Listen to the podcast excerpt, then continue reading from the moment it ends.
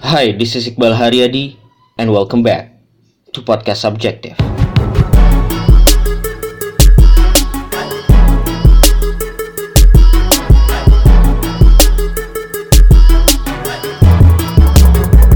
Buat pendengar subjektif yang baru, welcome, selamat datang. Ini podcast subjektif. Gue Iqbal Haryadi, host podcast subjektif yang bahas berbagai keresahan dengan opini dan obrolan anak-anak muda. Nah, Jumat kemarin, 30 Juni 2018, gue bikin kopdar pendengar subjektif di Makassar, tepatnya di Mama Toko Kue dan Es Krim. Di sana kayak ada toko lokal gitu yang jual jajanan-jajanan lokal juga.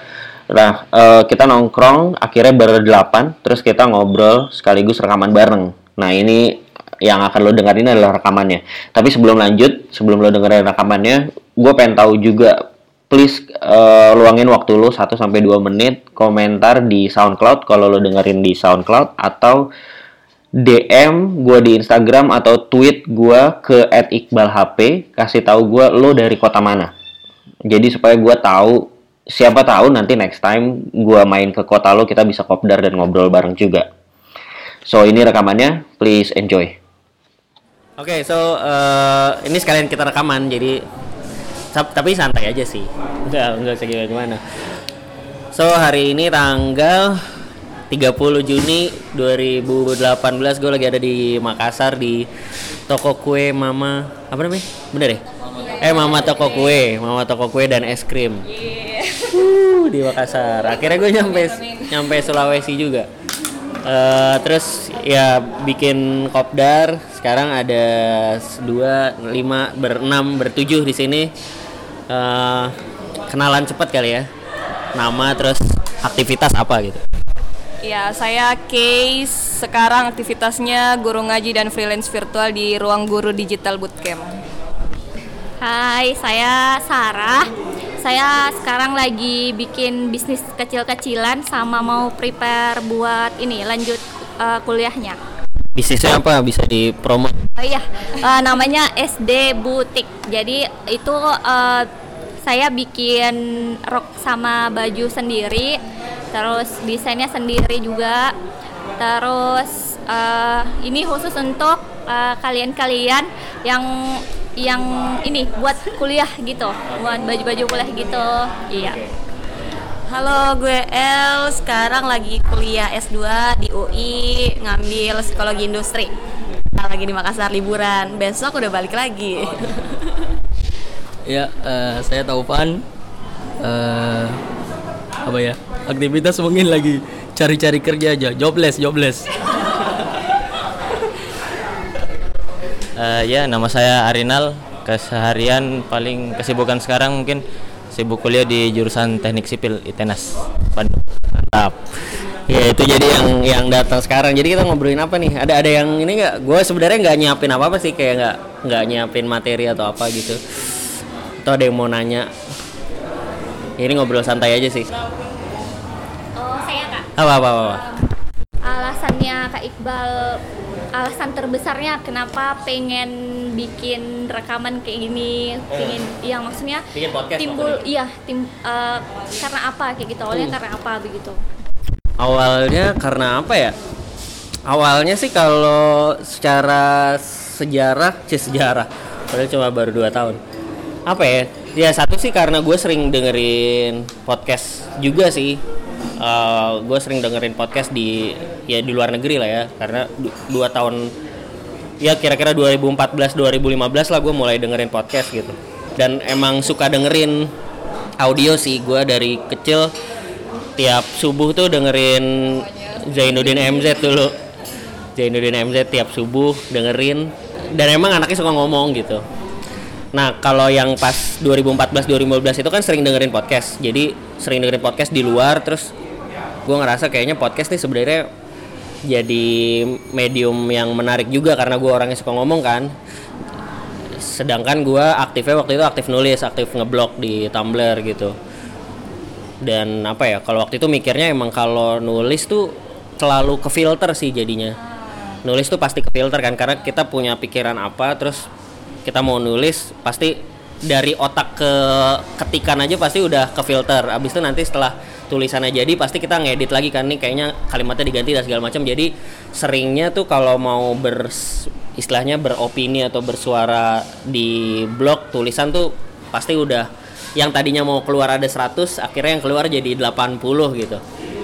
Gitu sih akhirnya ya udah gue coba aja bikin podcast. Kayak gue bisa nih bikin podcast sendiri ngobrol ngomong. Ya udah jadilah yang episode pertama itu. Nah tadinya tadinya tadinya gue udah mau bikin tapi kayak masih nunda-nunda. Terus gue inget hari itu si Adriano Kalbi kalau lo ngikutin juga Adriano Kalbi ngeluarin podcastnya dia. Nah, terus gue kayak aduh ini, ini udah ini nih sekarang saatnya nih gue udah telat nih gitu. Akhirnya besoknya gue langsung rekaman gitu. Jadi seingat gue sih emang tanggalnya episode pertamanya Adri sama gue tuh beda. Gue lupa beda dua hari atau tiga hari gitu. Jadi emang karena gue rekamannya karena ke trigger sama dia dia udah ngeluarin nih gue jadi harus ngeluarin sekarang juga gitu gitu sih tapi Pen- eh, pendengar itu ngaruh nggak sama eh, aktifnya kita berkonten creator? ngaruhnya gitu maksudnya maksudnya ngaruh misal kalau bisa ah nggak ada pendengar aja nih, nggak usah Oh, deh. oke Atau tetap bikin aja pokoknya. Oke.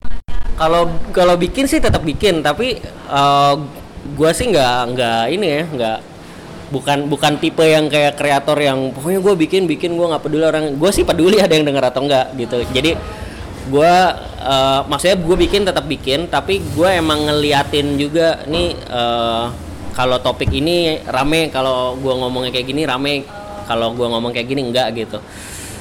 Dulu sih nggak du- tapi emang jadi agak ini sih agak agak dilematis sih. Terutama kalau gue ya kalau gue karena karena gue di satu sisi oke lah sebagai kreator gitu. Tapi di sisi lain gue juga kan kerjanya di marketing ya. Jadi gue terbiasa untuk ngeliat bikin konten tuh yang ngeliat juga nih re- resultsnya gimana gitu. Jadi kadang-kadang kalau mau bikin sesuatu tuh gue mikir juga eh, harusnya ya. Harusnya kan kalau true artis seniman yang beneran kan gue keluarin bodo amat nih ada yang dengerin atau enggak. Tapi gue jadinya kayak gue mau ngeluarin tapi gue mikir-mikir juga nih ada yang denger atau enggak ya? Kalau biar ada yang denger gimana ya caranya gitu? Jadi otomatis nyampur-nyampur juga sih. Yang gue nggak tahu sih maksudnya bagus atau enggak cuma yang sekarang gue jalanin sih kayak gitu. Tapi sepanjang ada podcast kayak gitu yang tema yang paling sering yang peminatnya paling tinggi apa? pokoknya gue nggak gue belum pernah nge iniin tema ya. Tapi yang paling rame tuh selalu episode yang gue marah-marah sih kalau yang episode gue marah-marah pasti rame. Apa pun apa pun topiknya. Maksudnya kan ada ada topik yang bahas sosmed ya kan? Ada apa lagi ya? Eh, kerjaan. Ada yang galau kampus gitu. Beda-beda tapi ada marah-marahnya pasti rame. Gue nggak ngerti juga sih. Mungkin karena banyak yang merasa terwakili kali ya kalau yang marah-marah kayak gitu. Karena kalau yang standar-standar ya bagus-bagus aja sih. Maksudnya standar lah gitu playnya tetap ada tapi nggak terlalu rame. Dan komennya biasanya ramenya juga di yang marah-marah sih. Ya mungkin orang Indonesia emang sukanya yang drama-drama kali Kalau ada yang satu udah marah, yang lain udah nggak usah. Udah dia yang marah kok. iya jadinya mereka ikutan komen doang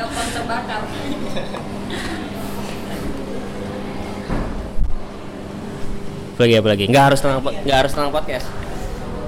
Bebas aja bebas bebas. Eh, saya beberapa kali dengar podcastnya Kak Iqbal suka dikit-dikit nyinggung tentang introvert extrovert. Eh, menurut Kak Iqbal seberapa penting orang tahu tentang dirinya itu introvert extrovert dengan aktivitasnya? seberapa penting orang tahu introvert atau ex nah sebenarnya kata kuncinya self awareness sih. Ya orang tuh harus semua orang harus punya self awareness harus sadar tentang dirinya sendiri harus tahu tentang dirinya sendiri cuma kadar orang tahu tentang cara orang tahu tentang dirinya sendiri itu kan ada banyak ya kalau yang paling standar ya pakai dasar-dasar psikologi yang tes-tes apa MBTI, extrovert, introvert yang gitu-gitu. Itu udah paling standar dan emang kalau yang standar semua orang harus melakukan itu sih, harus tahu. Sebenarnya dan biasanya kalau sepengalaman gua tes-tes itu sih sebenarnya nggak nggak nggak bener-bener menunjukkan lo siapa gitu. Tapi setidaknya lo tahu lo ada di lingkaran yang mana. Jadi kayak misalnya kalau gua ya gua apa namanya setahun yang lalu hasil MBTI-nya tuh I ah bukan I ENFP Heeh, ENFP. Tapi tahun ini kemarin kemarin banget nih seminggu yang lalu gua ngetes lagi. Gua jadi eh apa yang berubah ya? S ya kalau nggak salah. Eh eh eh eh. Eh jadi entertainer lah pokoknya jadi jadi beda. Ada satu huruf jadi kalau nggak salah T yang berubah. Jadi ENTP atau apa gue juga lupa sih. Eh, intinya ada satu ada satu yang berubah dan emang eh, kerasa sih. Pola pikir gue juga berubah gitu Ak- makanya akhirnya ternyata hasil tesnya berubah. Nah sebenarnya ketika kita tahu kita di bagian yang mana ekstrovert atau introvert atau karakternya apa itu seenggaknya kita jadi tahu eh, kelemahan kita di mana kekurangan kita di mana gitu. Jadi kita bisa tahu juga oke apa nih yang perlu diimprove ketika gue berinteraksi sama orang lain? Atau orang lain kenapa ya mereka nganggap gue kayaknya orangnya sombong banget? Nah mungkin emang ada karakter-karakter yang selama ini kita udah jadi kayak gitu tapi kita nggak nggak nggak nggak sadar gitu. Nah sebenarnya kesadaran kesadaran itu sih yang penting. Ini juga ngaruh akhirnya ke masalah banyak hal sih. Masalah relationship gitu kan masalah hubungan masalah cara kita berkomunikasi sama keluarga masalah karir juga sama gitu sih. Jadi penting sih kalau ditanya penting atau nggak penting. Tapi jangan sampai terpaku bahwa kayak kalau udah kalau kita ah, karakternya ini terus banyak juga kan yang jadi yang jadi excuse ya kayak ya gue soalnya NTP gitu ya nggak bisa gitu ha. saya pernah eh, ketemu dokter gitu terus saya bilang saya introvert dok langsung oh itu harus diterapi dokter katanya gitu harus diterapi ya eh. terus ah saya harus diterapi coba nih anak psikologi coba komentar Mana ya? Eh, umumnya orang bilang introvert itu katanya orang nggak eh, menutup diri dan terusnya enggak sebenarnya enggak sih. Jadi introvert introvert ini gue kali gue malah gue yang ngomong nih. Jadi sebenarnya intro, eh, extrovert introvert itu soal gimana kita dapat energi gitu loh. Jadi misal kayak gue nih em, bahagianya senangnya gue bi- baru bisa semangat kerja kalau gue ngumpul sama orang.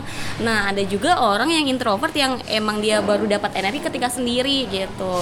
Jadi ya bukan kepribadian itu bukan kesalahan sebenarnya. Kepribadian lu mau yang lu orangnya sinis kayak gitu kalau buat gue sih ya karena gue belajar selama ini itu bukan sebuah kesalahan. Yang salah itu ketika akhirnya eh, apa ya, lu mempengaruhi lingkungan sosial lu dengan nega secara negatif. Jadi eh, kemampuan interaksi sosial lu jadi malah terhambat. Jadi ketika kepribadian lu orangnya ya, gue pengennya sendiri itu nggak jadi masalah sih. Mm-mm. Itu hanya soal gimana lu bisa ibaratnya kayak membahagiakan diri sendiri gitu loh. Jadi kamu kalau kamu kalau pengennya baca buku sendiri ya udah baca buku aja, ke mana sendiri sendiri aja nggak apa-apa. Iya sebenarnya kayak kalau introvert kan ada tuh buku eh, Susan Cain penulisnya judulnya Si- Silence atau apa ya? Ya, intinya dia Susan Cain nih dia seorang introvert terus dia cerita gimana gimana seorang introvert menjalani kehidupan di tengah dunia yang pengen semua orang tuh ngomong gitu. Yang semua orang tuh ngomong gitu. Dan menuntut semua orang untuk ngomong juga. Padahal mungkin gak semua orang harus ngomong gitu.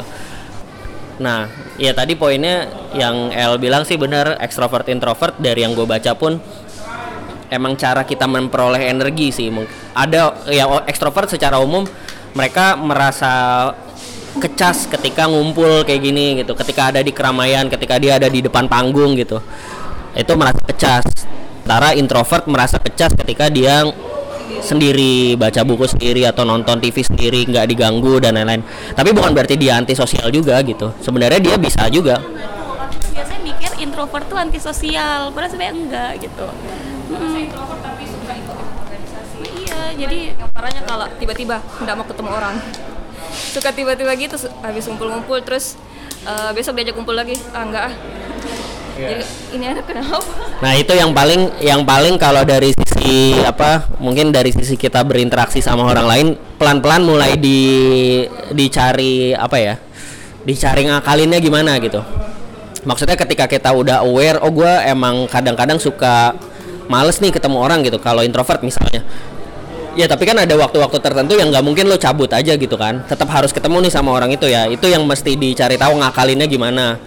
Beberapa orang kan misalnya ngakalinnya ya nggak apa-apa ketemu orang tapi harus gue harus beli es krim dulu nih gitu. Misalnya harus makan enak dulu baru gue moodnya naik baru bisa ketemu orang. Atau eh, boleh tapi ketemunya cuma maksimal 20 menit. Abis itu gue udah harus cabut. Nah itu yang tadi pentingnya self awareness sebenarnya pen- pentingnya kenal diri sendiri. Jadi tahu cara ngakalin ke orang lain kayak gimana. Baru kan ya iya nah, jadi emang manusia tuh kecenderungannya kadang emang lagi pengen kumpul sama orang. Jadi ketika ada perubahan kayak gini coba lagi deh tes MBTI-nya gue juga pakai MBTI dan kadang tuh emang berubah-berubah gitu loh. Jadi misal eh, ketik bayangin deh ketika lu lagi intens ada proyekan nih ngumpul terus sama orang-orang terus lama-lama kelamaan lu jadi kebiasaan terus ambil deh tes psikologi pasti berubah. Hmm, ngaruh. Jadi kepribadian tuh din- dinamis sebenarnya. Dinamis. Jadi ketika misalnya dia di tempat ramai pikirannya bilang ah mending sendiri di rumah.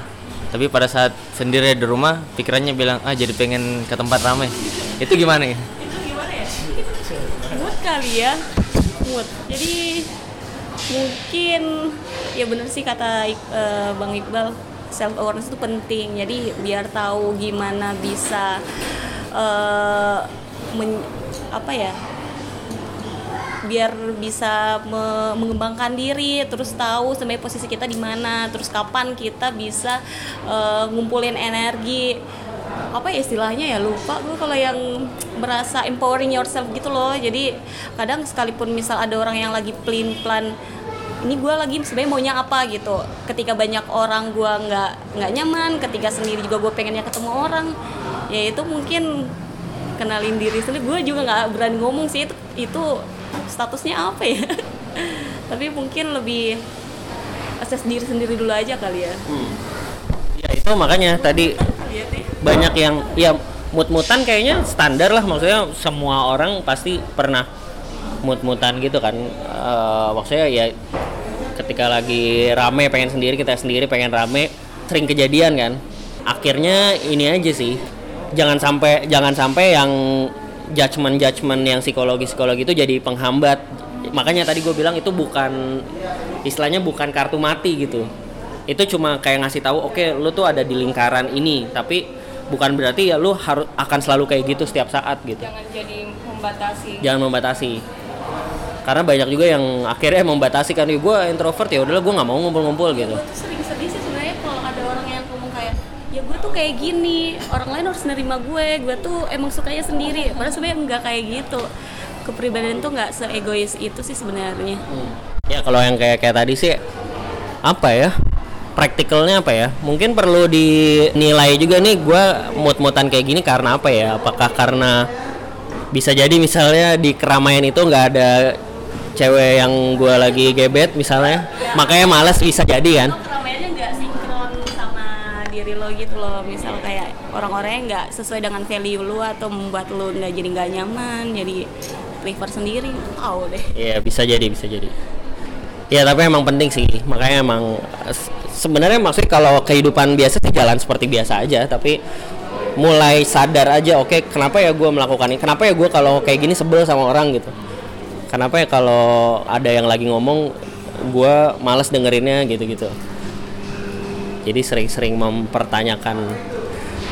Sebenarnya mood itu ditunggu atau dibangun? Mood itu ditunggu atau kita yang bangun moodnya?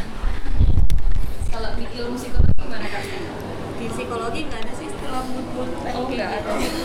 gitu ya? Di psikologi nggak ada istilah mut-mutan? Kalau secara teori teori ada pakarnya enggak tapi kalau misal istilah-istilah interaksi sosial ada mood-moodan cuman mood tuh apa ya sebenarnya? Misal kalau pengen ngerjain apa-apa terus ah nggak mood ah, ntar aja. Sebenarnya itu kemalasan kali ya. Terus beralibi itu mood kayak gitu. Ya nggak sih?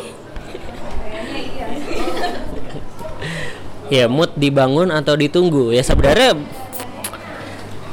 kayaknya emang mood bisa ditunggu tapi kerjaan nggak bisa tunggu jadi emang mau nggak mau harus belajar membangun mood sih.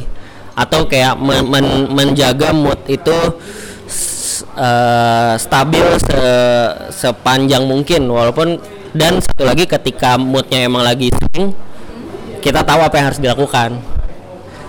Karena lagi nggak mood itu pasti kejadian sih. Cuma ya balik lagi tadi ketika lagi nggak mood lu tahu nggak kenapa lagi nggak moodnya gitu.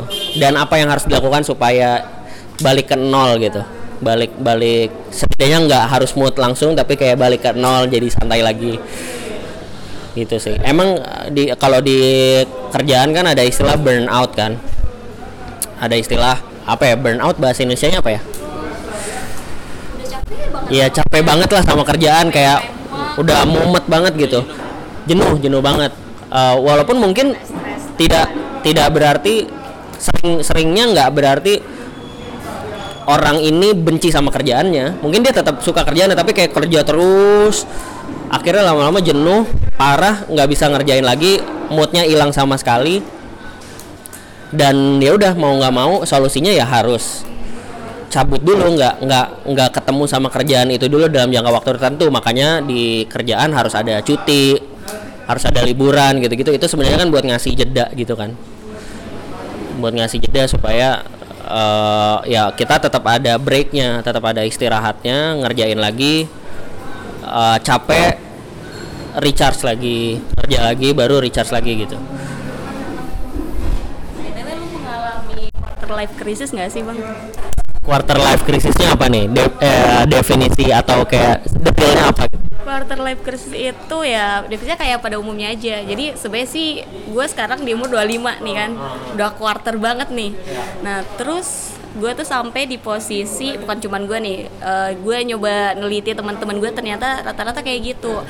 Eh, banyak kekhawatiran-kekhawatiran tentang masa depan gitu loh.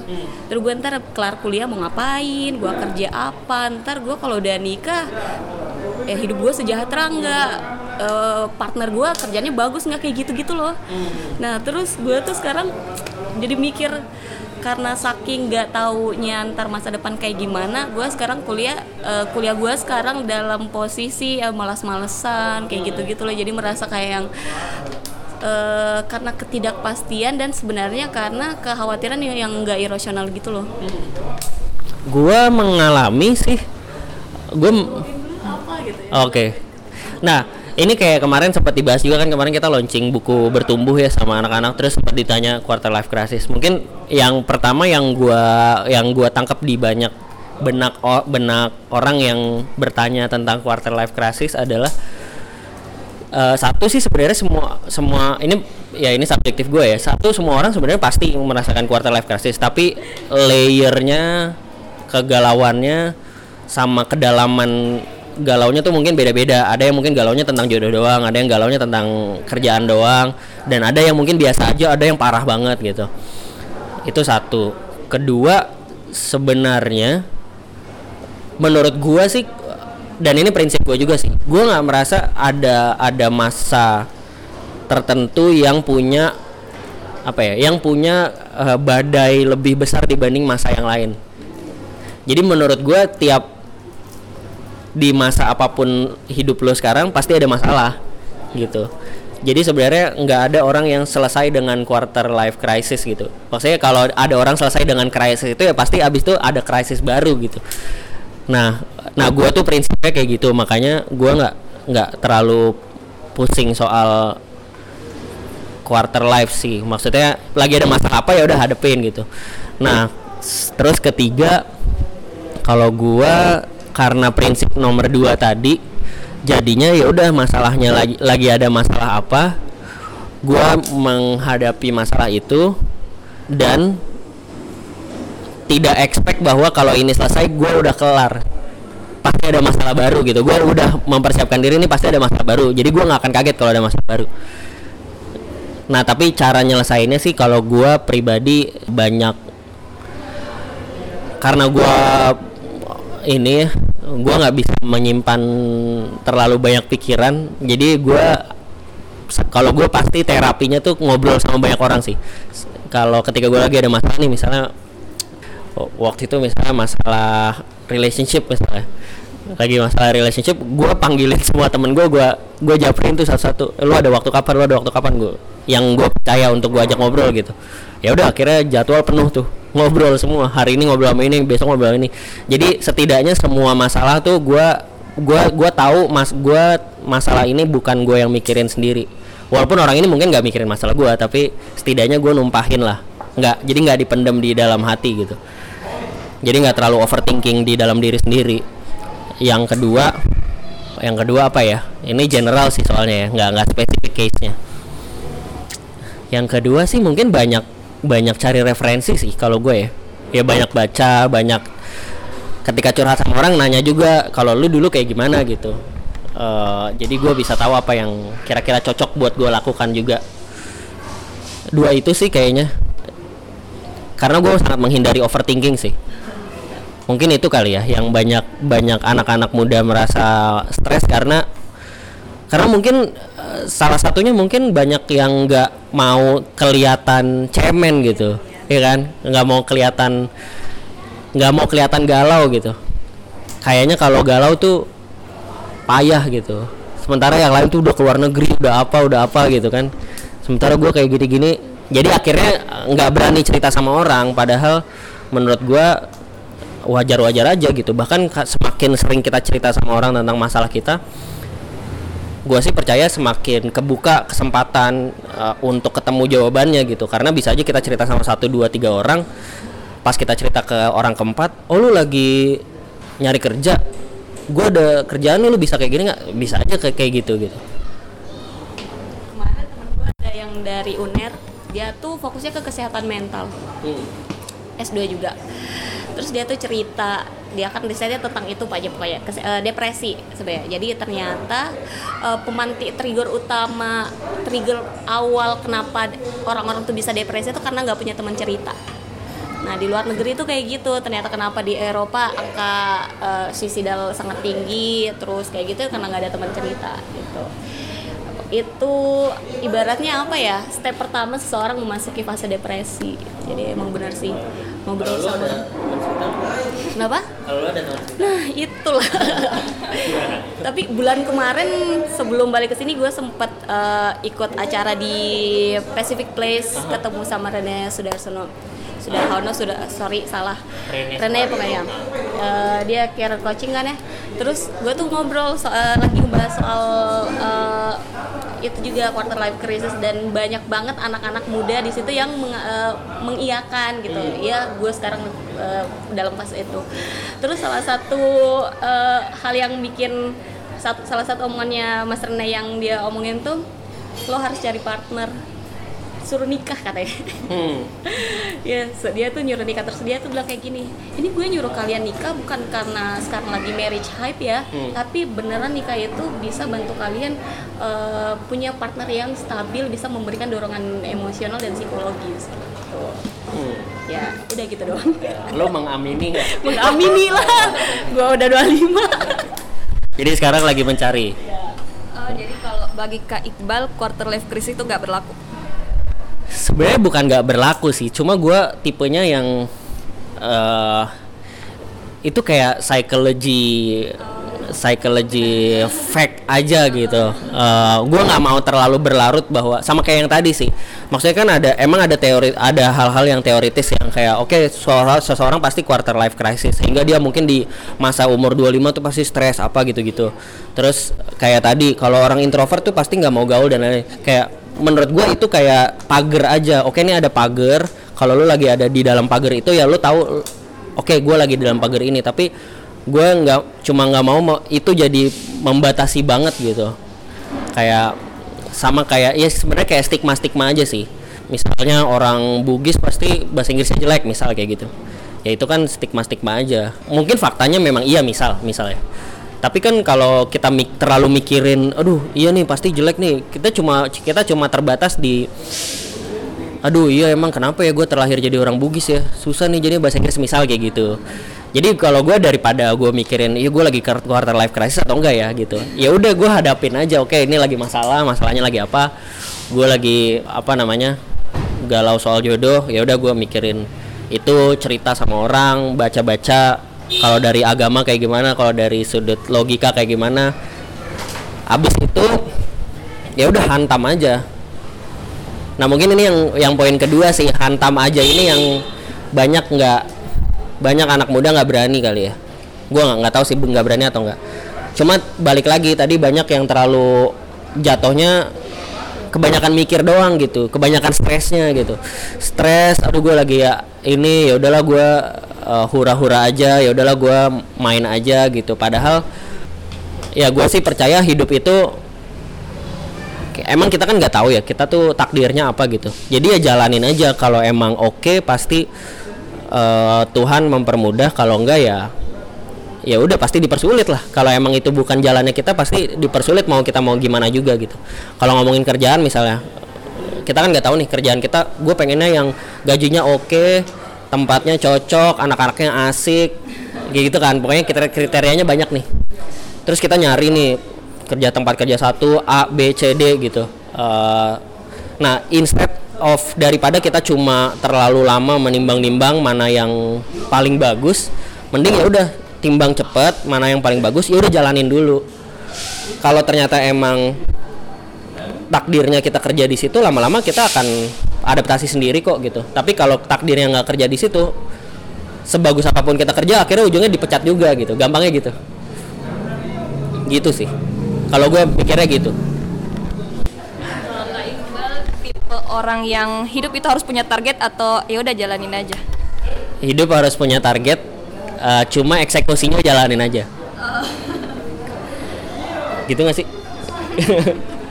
Jadi nggak segini harus sudah segini gini gini.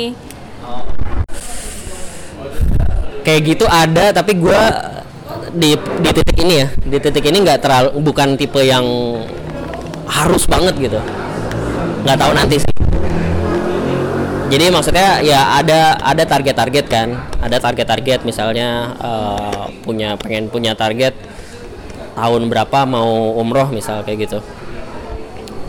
Cuma gue sih selama ini belum belum pernah yang bener-bener kayak harus harus banget gitu. Akhirnya ngelihat situasi aja sih kalau emang kondisinya cocok ya udah berangkat gitu. kayak misalnya nikah gitu kalau nikah gue emang punya target 25 maksimal nikah karena eh, biar ngikutin Nabi Muhammad lah gitu. Tapi nggak yang harus 25 gitu nggak sih.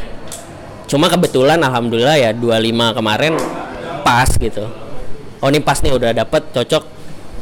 Ya udah jalanin kita lihat gitu. Kemarin sama gue kemarin ngomong kayak gitu juga nih sama istri gue Ci gitu. kemarin gue bilang kayak gue bilang yang tadi gue bilang eh, maksudnya waktu gue ngajak nikah gue bilangnya sejujurnya gue nggak gue pu- udah punya kecondongan gitu. Gue udah punya kecondongan kayaknya kita jodoh dan gue mau ngajakin nikah. Tapi gue nggak bisa janji kita akan beneran nikah gitu. Cuma kita gue ngajakin lo untuk jalanin aja prosesnya. Kita lamaran kita ngurusin dan lain-lain. Kalau emang apa namanya Allah menakdirkan ya kita pasti akan nikah gitu. Kalau enggak ya kita mau gimana pun hamin satu nggak jadi nggak jadi ya lo siap-siap aja gitu. Gue udah bilang gitu? Ya udah. Ya udah. Kalau aku sih karena apa ya diajakin yang baik-baik ya ada kesempatan juga ya udah jalanin aja gitu. Toh bukan diajakin yang aneh-aneh kan diajakin ibadah gitu. Ya kenapa ditolak gitu sih. Gitu. Nah itu kayak contohnya gue kayak gitu sih kalau pas nikah kemarin kayak gitu. Bukan yang kayak kita apa ya gue udah gue cinta gitu ya kita nikah eh, lu akan jadi istri gitu? Nggak nggak gitu. Gue bener-bener kayak nyerahin aja ya udah. Berserah diri terus ya udah nih jalannya kan udah clear ya. Maksudnya kalau di Islam kan kalau mau nikah ya jalannya udah clear. Lo harus lamaran lo nyiapin ini itu ngomong sama orang tua dan lain-lain. To do listnya udah ada gitu. Ya udah kita jalanin aja to do listnya. Kalau lancar pasti dilancarkan gitu. Eh kalau emang jodoh pasti dilancarkan. Kalau enggak ya pasti dibatal gitu. Gitu sih. Bener-bener segitunya jadi nggak stres gitu. Kalaupun nan- kalau waktu itu ya kalaupun emang kejadian pun kayak stres sih tapi kayak bentar gitu. Gue udah tahu oh ya emang berarti Allah nggak nggak ngizinin gitu. Gimana kalau kayak sudah ada rencana? Eh, kayak udah nikah belum sih? Belum ya?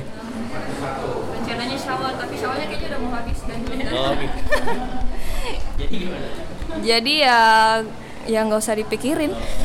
dijalanin aja ya Berarti ada yang harus dimaksimalkan di status single ini gitu aja. nice mantap betul betul setuju setuju Tovan gimana Tovan mungkin ini bang mau nanya soal topik salah jurusan. Mungkin sudah dibahas, cuma mungkin saya agak miss. Eh, kan abang kan biologi kan, tapi kemudian kerjanya di industri tech eh, kreatif. Ada rasa ini enggak sih eh, menyesal ilmunya enggak kepake enggak? Kebetulan saya juga sama kan saya lulusan akuntansi. Tapi eh, saat kuliah kan aktif eh, di kepanitiaan organisasi di bagian humas, jadi sering ngedesain desain. Dan ya freelance designer lah. Eh, jadi akhirnya pas mau ngelamar ngapla apply antara dua akunting atau eh, desain grafis. Takutnya saya malah eh, apa ya merasa bersalah sama orang tua yang sudah eh, kuliahkan saya di jurusan akuntansi. Jadi pilihannya kalau ambil Ambil desain grafis takut ilmu yang akuntansi itu hilang. Iya, takutnya abang dulu meyakinkan orang tua gimana? Maksudnya eh, ini enggak sih sudah di enggak tahu mungkin abang beasiswa biasa atau biaya sendiri maksudnya sudah dibiayain tuh terus enggak linear sama bidang kerjanya sekarang. Oke. Ini ada dua nih ya yang Jalan Bau Mangga. Jalan Serwi. Bukan Kak. Serwi. Jalan Serwi. Kalau tadi ada dua sih, eh, gua nangkep ya. Yang mau gua respon ya. Yang pertama soal salah jurusan ilmunya jadi sayang atau enggak gitu. Maksudnya jadi enggak pakai sama sekali kan. Kalau gua pribadi misalnya biologi kalau dalam kerjaan benar-benar nggak kepake gitu. Sama sekali nggak nggak kepake. Eh, kepake minim banget itu juga kemungkinannya sangat-sangat kecil kalau misalnya gue lagi ada klien yang atau partner yang kebetulan di bidang konservasi gitu tapi kecil banget kemungkinannya. Nah kalau hal itu gue punya dua pendapat sih. Satu eh punya dua argumen. Satu menurut gue ilmu apa pun yang udah kita pelajarin nggak ada yang useless sih. Kalau nggak kepake sekarang pasti kepake nanti. Itu aja sih. Tapi nantinya dalam bentuk apa itu yang nggak tahu juga. Bisa jadi nggak dalam bentuk kerjaan bukan bukan dalam bentuk kepakainya bukan ketika kita mau dalam hal pekerjaan gitu dalam hal karir. Bisa aja kepakainya nggak tahu gue nggak tahu. Tapi gue yakin gue gue sih percaya suatu saat akan kepake. Gue kayak misalnya gue percaya sih mungkin kalau di kerjaan nggak kepake bisa aja suatu saat gue lagi jalan ke Toraja terus ada tiba-tiba ada harimau misalnya misal. Nggak ada harimau sih di Toraja tapi misal tiba-tiba ada harimau gue sebagai anak biologi gue tahu apa yang harus dilakukan gitu. Contoh-contoh kecil kayak gitulah. Hal-hal kayak gitu. Itu itu argumen pertama. Argumen kedua tadi apa ya? Gue lupa. Oh argumen kedua yang lebih logis sebenarnya gue percaya sebenarnya semua sarjana outputnya tuh satu. Apa pun jurusannya outputnya tuh satu. Cara berpikir yang terstruktur. Metode ilmiah. Itu doang sih sebenarnya. Output sarjana tuh semua jurusan lo apa pun sebenarnya outputnya itu. Jadi sarjana itu memang distandarisasi supaya ketika lo lulus lo tahu cara runut berpikir yang tepat seperti apa. Sehingga ketika lo ada masalah lo tahu juga cara menyelesaikan masalahnya yang benar gimana. Cara menyelesaikan masalahnya lo observasi dulu lo punya asumsi asumsinya dilakukan eh, diuji dengan eksperimen tervalidasi lo ambil kesimpulan. Nah itu kan sebenarnya metode ilmiah itu kan semua jurusan sama kan itulah kenapa anak pertanian bisa banyak yang di banking anak teknik banyak yang jadi manajer anak apalagi misalnya anak sastra bisa jadi bos apa gitu ya. Sebenarnya simply karena kalau lu udah tahu cara berpikir yang benar masalah apa pun di bidang apa pun bisa mula bisa lo selesaikan bisa lo jalani lah gitu. Caranya begini begini begini begini dipelajari gitu. Gitu sih. Makanya gua nggak nggak nggak nggak ngerasa ilmu yang udah dipelajari itu jadi sama sekali tidak berguna gitu. Karena toh kalau kita mau maksain karena gua dulu kuliahnya udah sayang nih 4 tahun udah berjuta-juta keluar buat kuliah ini kalau gua nggak bekerja di bidang itu sama sekali nggak kepake dan maksain harus kerja di bidang itu malah ruginya dua kali. Karena belum tentu lo mau kerja di bidang itu. Jadi lo nyiksa diri sendiri kerjanya jadi nggak maksimal ilmunya juga nggak akan kepake kalau kerjanya nggak maksimal gitu. Jadi daripada maksa-maksain mending ya memang kita apa yang sesuai sekarang ya udah itu aja yang dijalanin. Gitu sih. Nah poin berikutnya kan soal izin orang tua. Ah, ngomong ke orang tua kayak gimana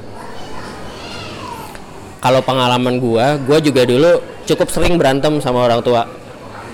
Dulu misalnya kayak gua kebetulan kakak gua kan kuliah di UI juga. Terus kakak gua nih mapres mahasiswa berprestasi. Ma mapres fakultas lulus tiga setengah tahun cum laude. Pressure-nya tinggi lah buat gua gitu.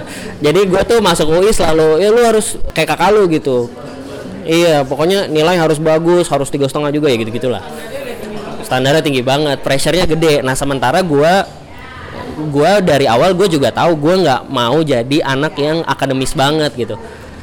Dan gue juga tahu gue nggak sepinter itu untuk kayak aktif di organisasi dan nilainya tetap bagus gitu. Jadi dari awal pun gue udah mau organisasi ini itu ikutan kepanitiaan dan lain-lain. Sementara orang tua itu nggak nggak ngizinin gitu lu tahun pertama nggak usah ikut-ikut apa-apa lah udah ini aja fokus kuliah aja biar nilainya bagus kayak kakak lu. Dia nggak dia nggak specifically bilang kayak kakak lu tapi ya kakak gue kesebut terus gitu. Jadi ya pasti pasti itu maksudnya gitu. Nah itu sering berantem lah dulu masalah kayak gitu. Sampai pun masalah ketika gue ya udah lu maunya kerja apa? Ini jadi biologi beneran di situ atau enggak kayak gitu-gitu berantem juga.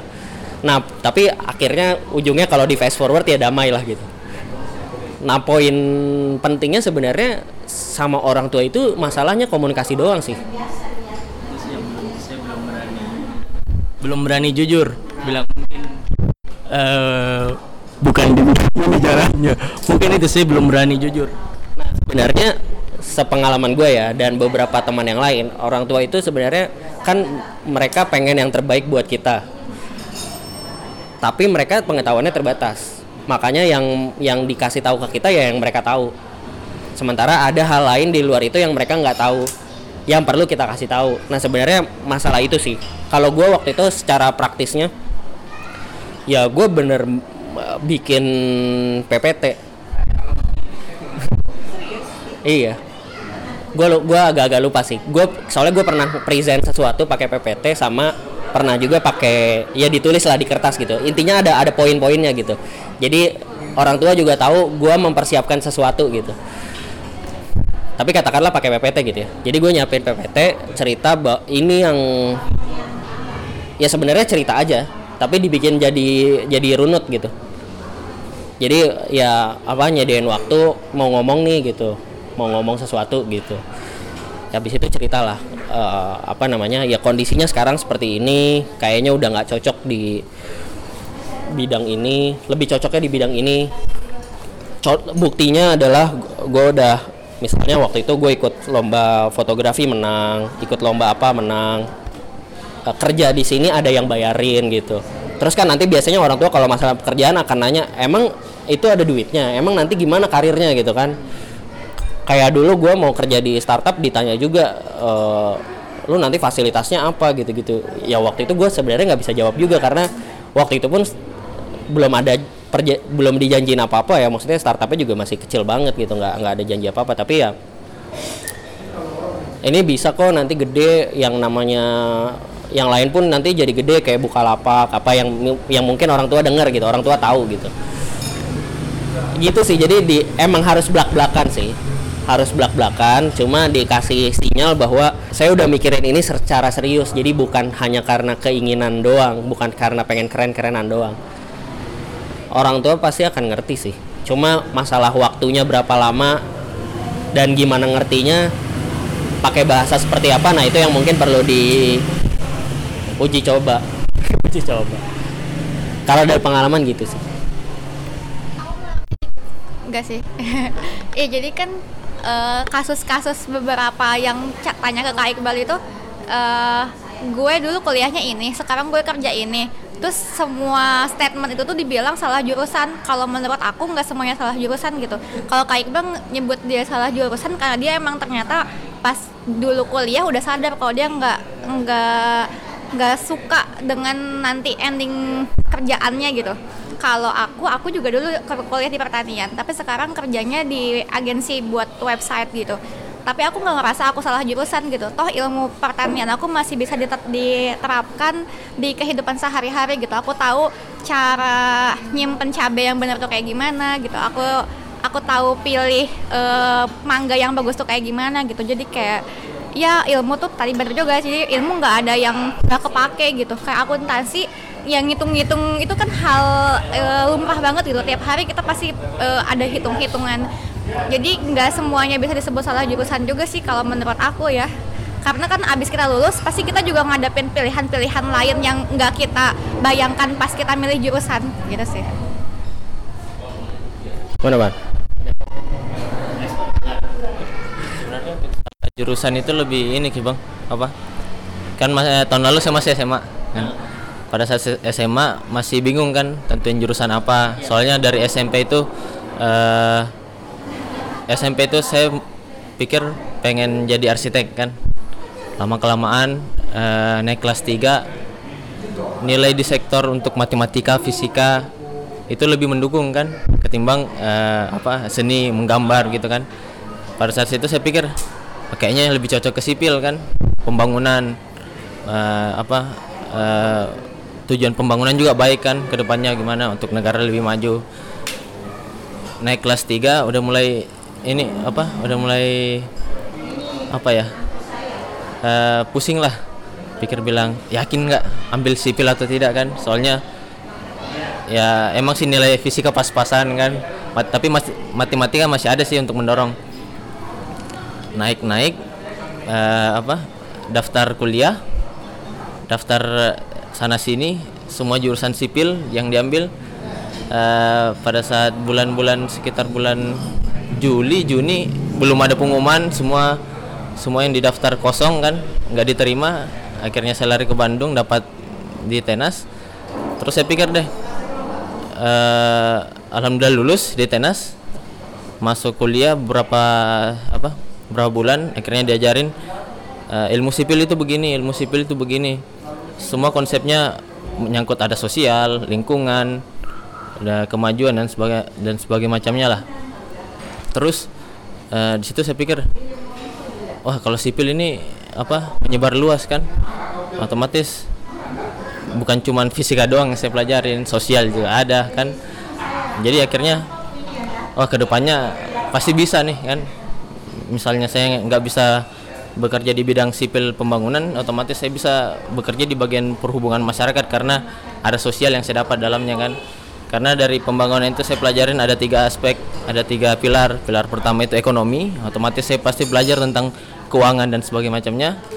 Pilar kedua itu sos- sosial otomatis hubungan antar masyarakat gimana saya bangun ini manfaatnya ke masyarakat bagaimana.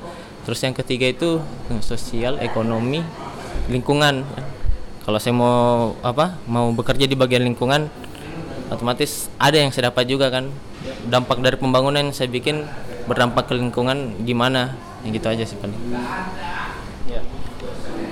Ya emang akhirnya sebenarnya jurusan apa pun yang diambil itu kan kayak sebenarnya itu fase kalau kita baya- bayangkan normalnya seorang hidup manusia kan umat Nabi Muhammad ya 60 70 lah 60 sampai 70 tahun gitu. Nah, jurusan itu kan cuma salah satu fase gitu ya. Dan fase ini sangat besar kemungkinannya benar atau salah kalau ditarik ke kondisi ideal. Tapi di jurusan apa pun yang diambil sekarang ya ada ada jalan tertentu yang emang digaris kenapa lo akhirnya nyampe di situ gitu. Tapi tujuannya apa sih? Itu ketahuannya nanti sih ke depannya gimana nah ke depannya ini kan gelap ya. Kita kan nggak tahu ya. Ke depannya sebenarnya yang gue paling cocok apa ya kerjanya dan lain-lain. Makanya gue balik ke prinsip yang tadi. Ya udah kalau yang jauh-jauh banget mah kita punya rencana fine punya ta- target fine. Tapi kalau yang buat deket ya udah yang paling deket bisa dijalanin jalanin dulu aja. Kalau nabrak ya tinggal belok gitu. Ya emang teori secara teori kedengarannya simpel sih. Tapi ya kalau pas jalanin pasti berat tapi ya emang gitu doang sih sebenarnya. Kan ya? Pasti bisa kesentuh. Se- akuntansi kan ya? Nah jadi gue dua bulan terakhir ngikutin Juska ada yang tahu Juska ya? Nah itu tuh pas baca gue kan anak psikologi ya. Nah pas gue baca baca Juska gue kayak mera- malah merasa nyesel gitu. Kenapa nggak waktu S1 dulu nggak sambil belajar keuangan? Nah lu kan udah ada itunya. Sedangkan keuangan tuh kayak emang kayaknya lifetime uh, skills gitu yang harus diketahui gitu. Lagi juga kalau di dunia psikologi industri kan dunia perekrutan dunia HR dan bisnis eh, kita ini sih yang sebenarnya gue eh, salah satu yang buat gue sedih sama teman-teman gue yang di Makassar yang nggak tahu kalau ternyata kalau di Jakarta itu dunia pekerjaan memang nggak eh, malah mengharuskan kita multi skill Hmm. Dan eh, skill yang se- sepanjang gue praktik lapangan di sana ketemu beberapa perusahaan, malah eh, kemampuan teknologi itu yang sangat dibutuhin. Misalnya kayak desain, grafis, eh, itu salah satu hal yang sangat dicari sebenarnya.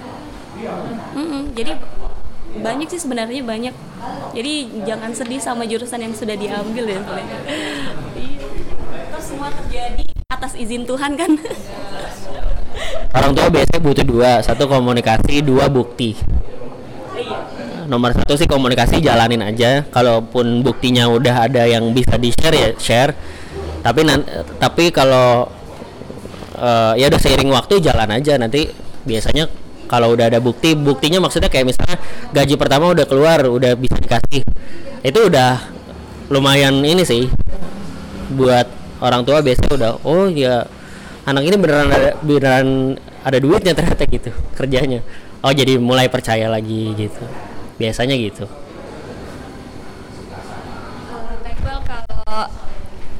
Sejak semester berapa merasa salah jurusan dan kenapa tetap di jurusan itu? Sejak semester sebenarnya kayaknya dari tahun kedua tuh udah mulai merasa cuma finalnya banget tuh tahun ketiga waktu kerja praktek. Jadi waktu kerja praktek gua eh, kerja praktek selama satu bulan di pu- sebuah pulau nemenin bule. Selama sebulan itu gua tiap hari ke hutan ke tengah hutan sendirian dari jam 7 sampai jam 5 ya itu sih. Momennya itu karena kalau buat gue sebagai anak biologi gue udah tahu ujungnya anak biologi itu secara umum ya. Ini sebenarnya spektrumnya luas banget tapi secara umum anak biologi itu ujungnya karirnya kalau nggak jadi anak lab jadi anak lapangan. Nah gue nggak mungkin jadi anak lab. Kalau jadi anak lab gue udah tahu dari semester 1 udah gue udah ngerasain gue nggak bisa jadi anak lab. Nah, tinggal posisinya anak lapangan. Nah, gue sebenarnya happy di lapangan, tapi ternyata sebulan di lapangan itu gue udah tahu bahwa gue nggak mungkin nih kalau kerjaan gue harus kayak gini terus sepanjang tahun di tengah hutan misalnya kayak gitu-gitu gue nggak bisa. Di situlah gue udah menarik kesimpulan, oke gue nggak bisa berkarir di biologi. Tapi kenapa gue nggak keluar? Simply karena gue tahu orang tua gue nggak sekaya itu aja sih. Untuk kalau gue harus bayar kuliah lagi pindah lagi berarti kan eh, ada uang lagi keluar terus nanti ada kuliahnya nambah lagi kan pasti jadi udah dua tahun gitu. Gitu-gitu sih.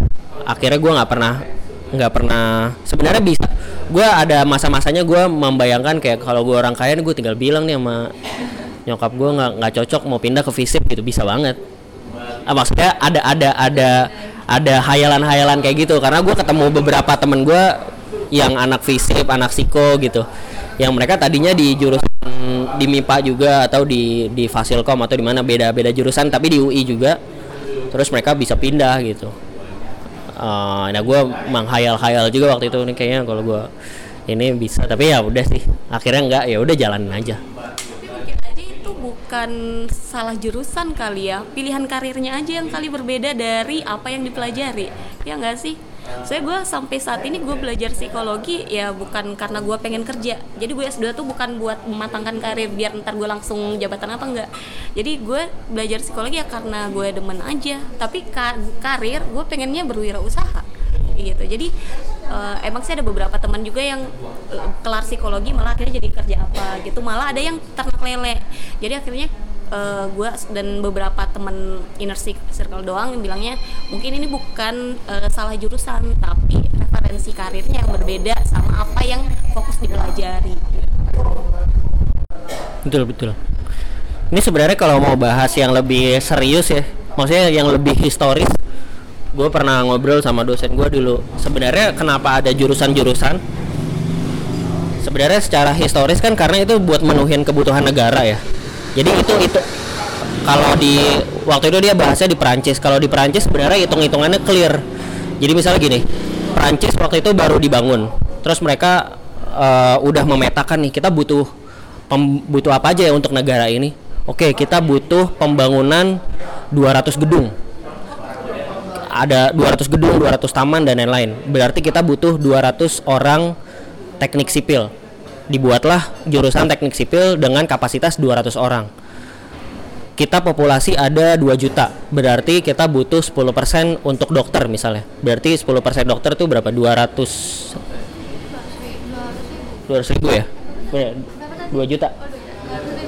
Ya 200 ribu. Berarti kita butuh 200 ribu dokter. Makanya dibikinlah jurusan dokter eh jurusan kedokteran dengan kapasitas 200 ribu misalnya gitu. Terus kita butuh juga orang-orang yang jadi hakim untuk di apa di MK pusat, di MK nasional, terus di MK 5 kabupaten misal gitu. Jadi total kita butuh 50 orang hakim. Dibukalah jurusan hukum dengan kapasitas 50 orang. Makanya tiap jurusan kapasitasnya beda-beda. Dulu di awal historisnya kayak gitu. Eh, makanya ketika akhirnya orang milih jurusan itu mereka udah clear juga oke lu akan mengisi posisi ini di negara itu. Tapi kan eh, kebutuhan negaranya oke udah jadi terus orang-orang ini udah lulus mereka udah ngisi posisi itu universitasnya nggak mungkin tutup dong. Tetap jalan kan? Makanya terus tradisinya berlanjut. Ya nama baru yang setelah itu akhirnya orang-orang milih jurusan bukan berdasarkan kebutuhan negara. Tapi ya karena emang sekarang ada pilihan ini nih dan itu udah jadi karir kan berkembang nih masing-masing field itu udah mulai me diverge lah gitu mem- membesar ber- bervariasi akhirnya orang milih oke ya udah berarti oh gue hukum nih hukum kayak menarik nih jadi kayak Pak Mahfud MD misalnya gitu ya udah masuk hukum gitu-gitu. Baru nanti kan karena karena keinginan karena akhirnya motivasi masuk jurusan itu beda-beda kan. Ada yang mungkin karena terinspirasi sama tokoh ada yang karena emang pengen karir ada yang pengen apa. Itulah kenapa ujungnya juga nggak nggak semuanya akhirnya harus berkarir di situ. Akhirnya ngambil yang paling baik aja dari jurusan itu dibawa ke karirnya di mana. Gitu menarik sih makanya kan sebenarnya jurusan-jurusan kita ini sekarang kalau mau ditarik ke kebutuhan negara mungkin banyak yang nggak banyak yang timpang sebenarnya. Maksudnya misalnya kita butuh orang let's say misalnya butuh uh, orang tata kota tuh banyak gitu karena kota nih hancur semua tata kotanya. Tapi ininya cuma dikit apa namanya kapasitasnya cuma dikit. Yang gede kedokteran karena kedokteran lebih menguntungkan buat buat kampus gitu-gitu jadi banyak ini udah kompleks lah kalau nyampe ke sana apalagi apalagi terus Kak Iqbal passionnya mm, sejak kapan punya passion terjun di startup dan content creator? Content creator. Emang udah passion dari dulu apa karena apa? Iya dari dulu sih sebenarnya Eh, karena pengen artis sih. Ya ini beneran. Jadi kalau kalau sukanya ya sukanya dari dulu. Karena gue dari SMP kan gue di pesantren ya. Nah di pesantren ini eh, ruang berekspresi itu terbatas lah. Tidak sebebas tidak sebanyak pilihan yang tidak di pesantren kan karena nggak boleh bawa HP nggak boleh apa gitu-gitu. Akhirnya dulu gue eh, bikin eh, ruang sendiri sama teman-teman gue kita bikin majalah dinding gitu dan kita kreasi di sana lah. Kita bikin konten tuh tiap minggu. Itu sih awalnya terus eh, pas kuliah pun ya emang rajin bikin bikin blog nulis gitu-gitu. Eh, emang dari dari lama suka ini sih suka gue tuh suka ketik momen-momen ketika gue tahu sesuatu yang belum tahu orang lain belum tahu dan gue jadi orang yang ngasih tahu gitu. Itu momen yang menyenangkan buat gue dan gue merasa gue ada manfaatnya buat orang tuh salah satunya di situ. Itu sih. Sama apa tadi ya? Yang tuh join di startup. Oh ya startup sama sih kurang lebih. Eh, kalau startup dari kuliah sih. Gitu. So, kayaknya ada satu lagi tadi pertanyaan ya? Atau ya ya, ya itu sih. Itu sih. Oh sama tadi ngartis. Iya gue merasa ini sih gue merasa kan sebenarnya eh, kalau di Islam kan sebaik-baiknya orang yang paling banyak memberikan manfaat buat orang ya. Nah gue tuh mikir gue nih bisa paling bisa memberi manfaat buat orang apa gitu. Nah eh, dari perenungan itu sebenarnya peren- hasilnya adalah gue kalau di karir atau di akademis gue tuh nggak pernah bisa jadi yang paling bagus gitu gue udah lihat track record gue sendiri terus merenungkan itu jadi kayaknya nggak mungkin gue jadi expert atau apa tuh nggak mungkin gitu. Eh, dan eh, ya salah satu yang menurut gue gue miliki dan gue sadar gue miliki dan bisa dikembangkan adalah eh, ya berbicara nulis gitu berkomunikasi lah berkomunikasi jadi jadi juru bicara menyampaikan sesuatu gitu nah itu yang yang gue sadari kayaknya paling bisa dikembangkan dari diri gue untuk bisa jadi manfaat buat banyak orang. Nah gue sih memproyeksi gue di masa depan gue memang menargetkan punya followers yang banyak gitu. Karena kalau semakin banyak followers gue impact dari apa yang gue omongin makin besar. Jadi kalau gue ngajakin ngajakin sesuatu kebaikan makin banyak yang ikutan gitu sih. Makanya emang gue nargetin ya gue harus jadi orang terkenal sih maksudnya yang lain expert ya silahkan. Jadi expert masing-masing. Nanti gue yang bantu eh, komunikasiin ke orang gitu. Jadi istilahnya kalau nanti ada oke ada wali kota nih mereka punya program apa mungkin butuh menggerakkan masa. Nah gue jadi orang yang gerakin masa. Gue yang jadi orang yang ngasih tahu nih programnya bagus loh ya semua ikutan gitu. Gitu sih. Menarik sebenarnya.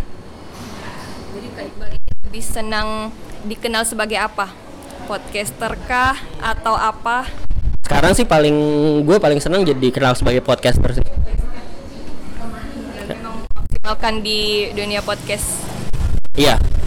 Iya memang mau di uh, ujung tombaknya di situ. Ujung tombaknya di podcast. Mungkin eh, topik lain lagi nih. Kan sudah ada dua yang kerja kan? Ini mbak. Oh belum kerja oh ini eh mungkin bisa jadikan tips juga bagi kami yang eh, mungkin akan kerja nantinya. Bagaimana sih supaya eh, cara jadi millennials yang baik di lingkungan kerja? Kan eh, millennials kan eh, kesannya kayak apa ya? Ya begitulah. Misalnya selfish begini begini begini. Kan abang sudah kerja apalagi di startup juga tuh dengan lingkungan yang luas begitu dinamis begitu bagaimana nanti ininya apa tips-tips kalau misalnya supaya kita tidak terlalu jauh begitu? Kan takutnya dengan lingkungan yang dinamis tadi kita kelewatan lah. Mungkin ada tips-tips begitu. Siapa tahu nanti kerja di situ juga tuh. Kerja di dunia startup. Iya iya. iya. Kalau gue ya pertama mungkin disclaimernya ya gue juga nggak gue juga bukan yang kayak eh, teladan banget gitu ya. Nggak nggak juga. Maksudnya gue juga banyak belajarnya. Cuma kalau tips buat millennials secara umum sih mungkin satu eh kalau sekarang masih kuliah atau baru-baru lulus gitu ya eh banyak-banyakin pengalaman magang sih. Itu udah paling paling real. Apa pun ma- magang di kantor apa pun nggak harus sesuai jurusan nggak harus nunggu semester ketika ada magang. Pokoknya ketika ada waktu luang lo bisa magang kerja jadi apa pun menurut gue penting karena supaya tahu medan kerja tuh kayak gimana eh, apa namanya istilahnya suasana kerja beneran tuh kayak gimana gitu. Karena beda banget sama suasana organisasi kepanitiaan tuh beda beda beda banget gitu. Karena kita dibayar untuk untuk mengerjakan sesuatu ada komitmen ada apa dan lain-lain. Dan nggak penting lo kerjanya apa. Jadi maksudnya eh, mau kerja kantoran mau jadi barista di kopi mau jadi apa eh, menurut gua gengsi diturunin udah aja semakin banyak pengalaman magang semakin baik. Jadi pengalaman magang. Banyakin pengalaman magang. Dua em, dua apa ya banyak nanya sih. Maksudnya jangan merasa pal jangan merasa udah tahu. Kalau kalau ada sesuatu yang menurut lo lo udah tahu lo konfirmasi. Bener nggak ya kayak gini inisiatif gitu. Jadi proaktif nanya ke senior atau ke supervisor. Karena mungkin banyak yang tidak aktif nanya gitu. Tidak aktif nanya nih bisa gua kan bisa emang nggak ngerti bisa gua udah merasa tahu. Nah dua-duanya sering ngeselin juga gitu. Yang mana pun sering ngeselin gitu. Karena se- sering kehambat kayak misalnya lu nggak tahu ya lu nanya gitu. Udah seharian nggak tahu nggak nanya tapi lu nggak bilang nggak bilang juga kerjaan nggak kelar gitu. Kalau lu nanya gua akan kasih tahu gitu. Sama kalau lu udah merasa tahu juga tetap konfirmasi karena bisa jadi metodenya beda atau ada cara yang lebih cepat daripada yang lo tahu gitu.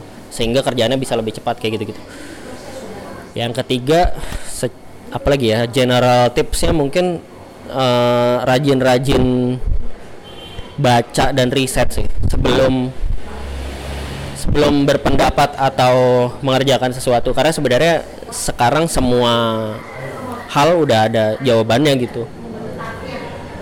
Eh kayak misalnya misalnya nih ini paling simpel nih. Ketika baru pertama kali masuk kerja paling simpel lo akan nulis email. Nah nulis email ini kan di kuliah jarang banget ya. Atau kalaupun ada paling biasanya kita ngirim antar temen gitu. Jadi informal email lah gitu. Sementara email yang formal kan eh, ya beda. Tapi nggak boleh tera bukan nggak boleh. Harus yang efektif tidak terlalu formal tapi efektif gitu ada ada ininya lah ada tipsnya. Nah hal-hal yang kayak gitu tuh sebenarnya kalau lo cari di Google gitu how to write an effective email itu ada banyak banget template-nya. Tinggal copy paste sebenarnya. Nah yang sering kejadian kan nggak tahu tapi nggak nyari juga.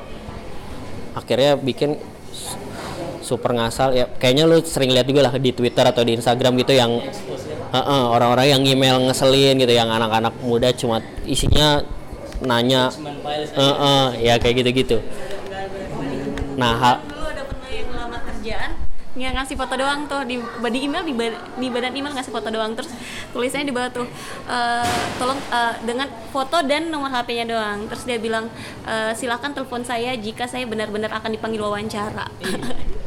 Itu gue sering banget sih dapat email kayak gitu. Terutama yang email-email magang tuh banyak yang ya begitulah gitu yang sebenarnya kalau mau riset dikit banyak banget contohnya gitu. Cari aja contoh email magang gitu itu banyak banget gitu. Eh, tapi ya banyak yang kayak gitu email eh apa ngemail kayak DM gitu kayak isinya Min ada beneran ini kejadian. Min ada bisa magang di bulan ini sampai ini nggak ya? Gitu. Ya kan maksudnya aduh ngapain sih? Gitu. Eh ya kayak gitu sih. Itu mungkin tiga tiga tips kali ya tiga tips general. Ada lagi ada lagi nggak? Udah sejam lebih sih. Sejam 10 udah ya? Sip oke. Ya udah nih udah satu jam 10 menit. Thank you so much teman-teman semuanya udah mampir ikutan mau kopdar ngobrol-ngobrol. Ini bagus sih ininya. Episode nanti dipublish. Udah kali ya nanti ya siapa tahu nanti mudah-mudahan sih ya mudah-mudahan akhir tahun ini bisa kejadian mau main lagi ke Makassar bikin acara. Sip thank you so much. That's all please be subjective